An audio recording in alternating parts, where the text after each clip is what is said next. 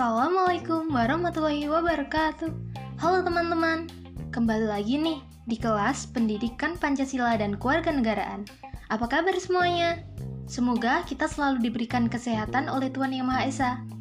Pada kesempatan kali ini, kita akan membahas tentang 1. Ancaman terhadap integrasi nasional 2. Definisi ancaman terhadap bidang ideologi, politik, ekonomi, sosial budaya, pertahanan, dan keamanan 3. Kasus-kasus ancaman terhadap bidang ideologi, politik, ekonomi, sosial budaya, pertahanan, dan keamanan Dan yang keempat, strategi untuk mengatasi ancaman tersebut dalam bingkai Bhinneka Tunggal Ika yang pertama, kita akan membahas mengenai ancaman terhadap integrasi nasional. Indonesia merupakan negara yang memiliki pesona alam yang indah dan unik. Selain itu, Indonesia juga merupakan negara kepulauan terbesar di dunia, sehingga Indonesia memiliki keanekaragaman suku bangsa, bahasa, adat istiadat, dan sebagainya yang menjadi keunggulan kita sebagai bangsa Indonesia. Posisi silang negara Indonesia bukan hanya pada aspek wilayah saja, namun juga pada aspek ideologi, sistem ekonomi, dan kebudayaan. Posisi silang tersebut merupakan sebuah kebanggaan tersendiri untuk negara Indonesia. Namun, hal itu juga dapat menjadi ancaman bagi integrasi nasional bangsa Indonesia. Ancaman tersebut bisa berasal dari luar ataupun dari dalam bangsa itu sendiri. Sebenarnya apa sih ancaman itu? Lalu apa saja ancaman itu? Ancaman merupakan kegiatan atau usaha yang berasal dari luar ataupun dari dalam negeri yang dinilai berpotensi membahayakan kedaulatan negara, keutuhan wilayah negara, dan keselamatan segenap bangsa. Ancaman juga bisa dimaknai sebagai suatu hal atau usaha yang bersifat mengubah atau merombak kebijaksanaan yang dilakukan secara konsepsional, kriminal, serta politik. Ancaman dibedakan menjadi dua, yaitu ancaman militer dan ancaman non-militer. Ancaman militer adalah ancaman yang menggunakan kekuatan bersenjata dan terorganisasi yang dinilai mempunyai kemampuan membahayakan kedaulatan negara, keutuhan wilayah, dan keselamatan segenap bangsa. Contoh dari ancaman militer yaitu satu agresi atau invasi, 2. spiones, 3. pemberontakan bersenjata, 4. pelanggaran wilayah, 5. aksi terorisme, 6. sabotase, 7. gerakan separatis. Lalu, ada ancaman non-militer. Ancaman non-militer adalah ancaman yang menggunakan faktor-faktor non-militer dinilai mempunyai kemampuan yang membahayakan kedaulatan negara, kepribadian bangsa, keutuhan wilayah negara, dan keselamatan segenap bangsa. Ancaman ini salah satunya disebabkan oleh pengaruh negatif dari globalisasi.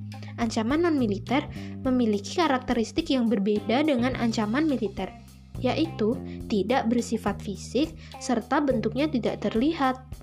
Ancaman non-militer terbagi dalam beberapa bidang, yaitu bidang ideologi, bidang politik, bidang ekonomi, bidang sosial budaya, dan bidang pertahanan dan keamanan.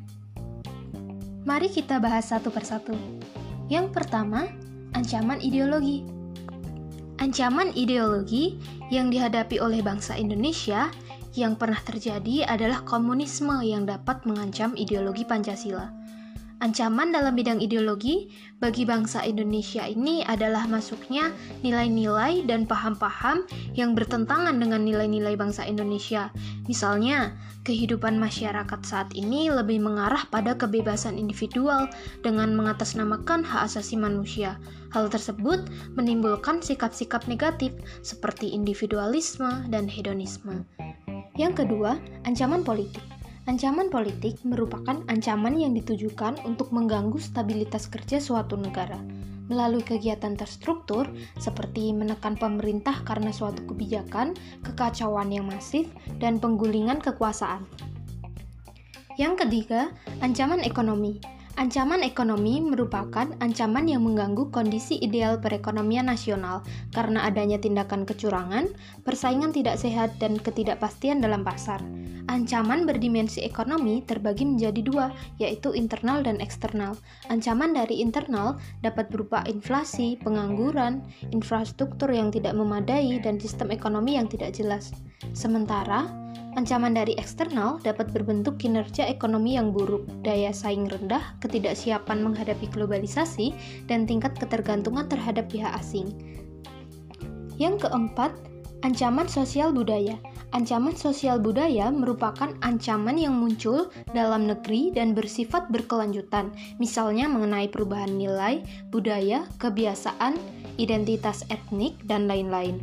Ancaman sosial budaya juga bisa berupa isu-isu kemiskinan, kebodohan, keterbelakangan, dan ketidakadilan yang menjadi dasar timbulnya konflik vertikal antara pemerintah pusat dan daerah, dan konflik horizontal yaitu suku, agama, ras, antar golongan, atau sara.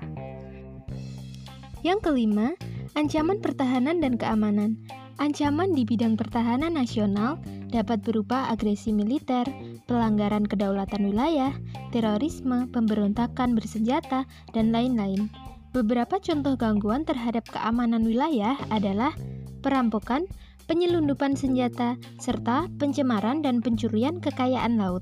Sedangkan beberapa contoh pemberontakan bersenjata yang mengancam keutuhan negara kesatuan Republik Indonesia di antaranya pemberontakan Darul Islam atau Tentara Islam Indonesia atau DITII, Pemerintah Revolusioner Republik Indonesia atau PRRI, Permesta, dan pemberontakan PKI Madiun.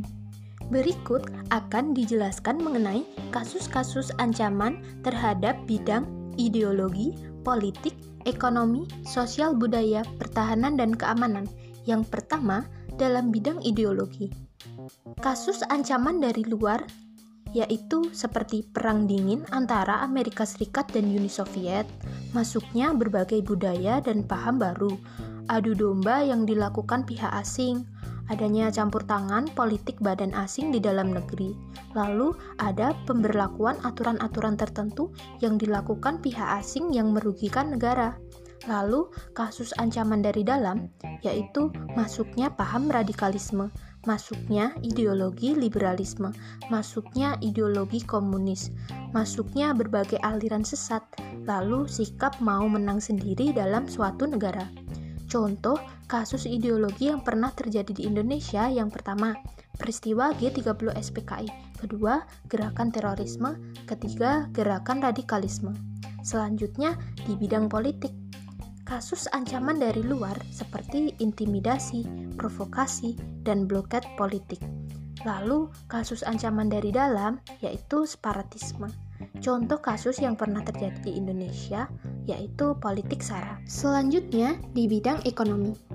Kasus ancaman dari dalam seperti infrastruktur yang kurang memadai, pengangguran, inflasi, sistem ekonomi yang kurang jelas, lalu juga ada kasus ancaman dari luar seperti kinerja ekonomi yang buruk, tingkat daya saing yang rendah. Indonesia juga masih ketergantungan dengan negara lain, lalu ketidakpastian dan tidak siap menghadapi globalisasi. Selanjutnya, di bidang sosial budaya. Penyebab ancaman terhadap integrasi sosial budaya dari luar adalah pengaruh negatif globalisasi. Munculnya gaya hidup konsumtif. Dampak negatif globalisasi adalah munculnya gaya hidup konsumtif dan selalu mengonsumsi barang-barang dari luar negeri. Lalu munculnya sifat hedonisme. Hedonisme adalah paham yang menganggap kenikmatan pribadi sebagai suatu nilai hidup tertinggi. Lalu munculnya sikap individualisme. Sikap individualisme adalah sikap selalu mementingkan diri sendiri serta memandang orang lain itu tidak ada dan tidak bermakna. Lalu munculnya gejala westernisasi. Westernisasi adalah gaya hidup yang selalu berorientasi kepada budaya barat tanpa diseleksi terlebih dahulu. Semakin memudarnya kepribadian luhur bangsa, Pengaruh negatif globalisasi di bidang sosial budaya dapat terlihat dari semakin memudarnya semangat gotong royong, solidaritas, kepedulian, dan kesetia kawanan sosial. Semakin lunturnya nilai agama, dampak negatif globalisasi pada bidang sosial budaya yaitu semakin lunturnya nilai-nilai keagamaan dalam kehidupan bermasyarakat. Contoh kasus lainnya, kelakuan anak zaman now, westernisasi atau meniru budaya barat, individualisme, dan hedonisme. Yang terakhir, dalam bidang pertahanan dan keamanan, berikut contoh-contoh kasus ancaman dalam bidang pertahanan dan keamanan. Di antaranya adalah konflik berunsur sara, penyelundupan senjata, sabotase, persengketaan wilayah, perang saudara, gerakan separatis, agresi militer, aksi teror, terorisme, dan lain sebagainya. Contoh kasus pertahanan dan keamanan yang pernah terjadi di Indonesia yaitu Perang Saudara di Ambon, kasus wilayah Sipadan dan Linggitan, organisasi Papua Merdeka, dan lain-lain. Selanjutnya, juga akan dijelaskan mengenai strategi untuk mengatasi ancaman terhadap ideologi, politik, ekonomi, sosial budaya, pertahanan, dan keamanan dalam bingkai Bhinneka Tunggal Ika. Yang pertama, strategi untuk mengatasi ancaman di bidang ideologi dan politik dapat dilakukan dengan cara penguatan ideologi Pancasila. Pancasila merupakan falsafah hidup negara Indonesia, sehingga penguatan Pancasila wajib dilakukan. Penguatan ideologi Pancasila dapat dilakukan dengan mengamalkan nilai-nilai Pancasila dalam kehidupan sehari-hari. Sebisa mungkin, nilai-nilai yang terkandung dalam Pancasila diamalkan oleh seluruh warga negara Indonesia.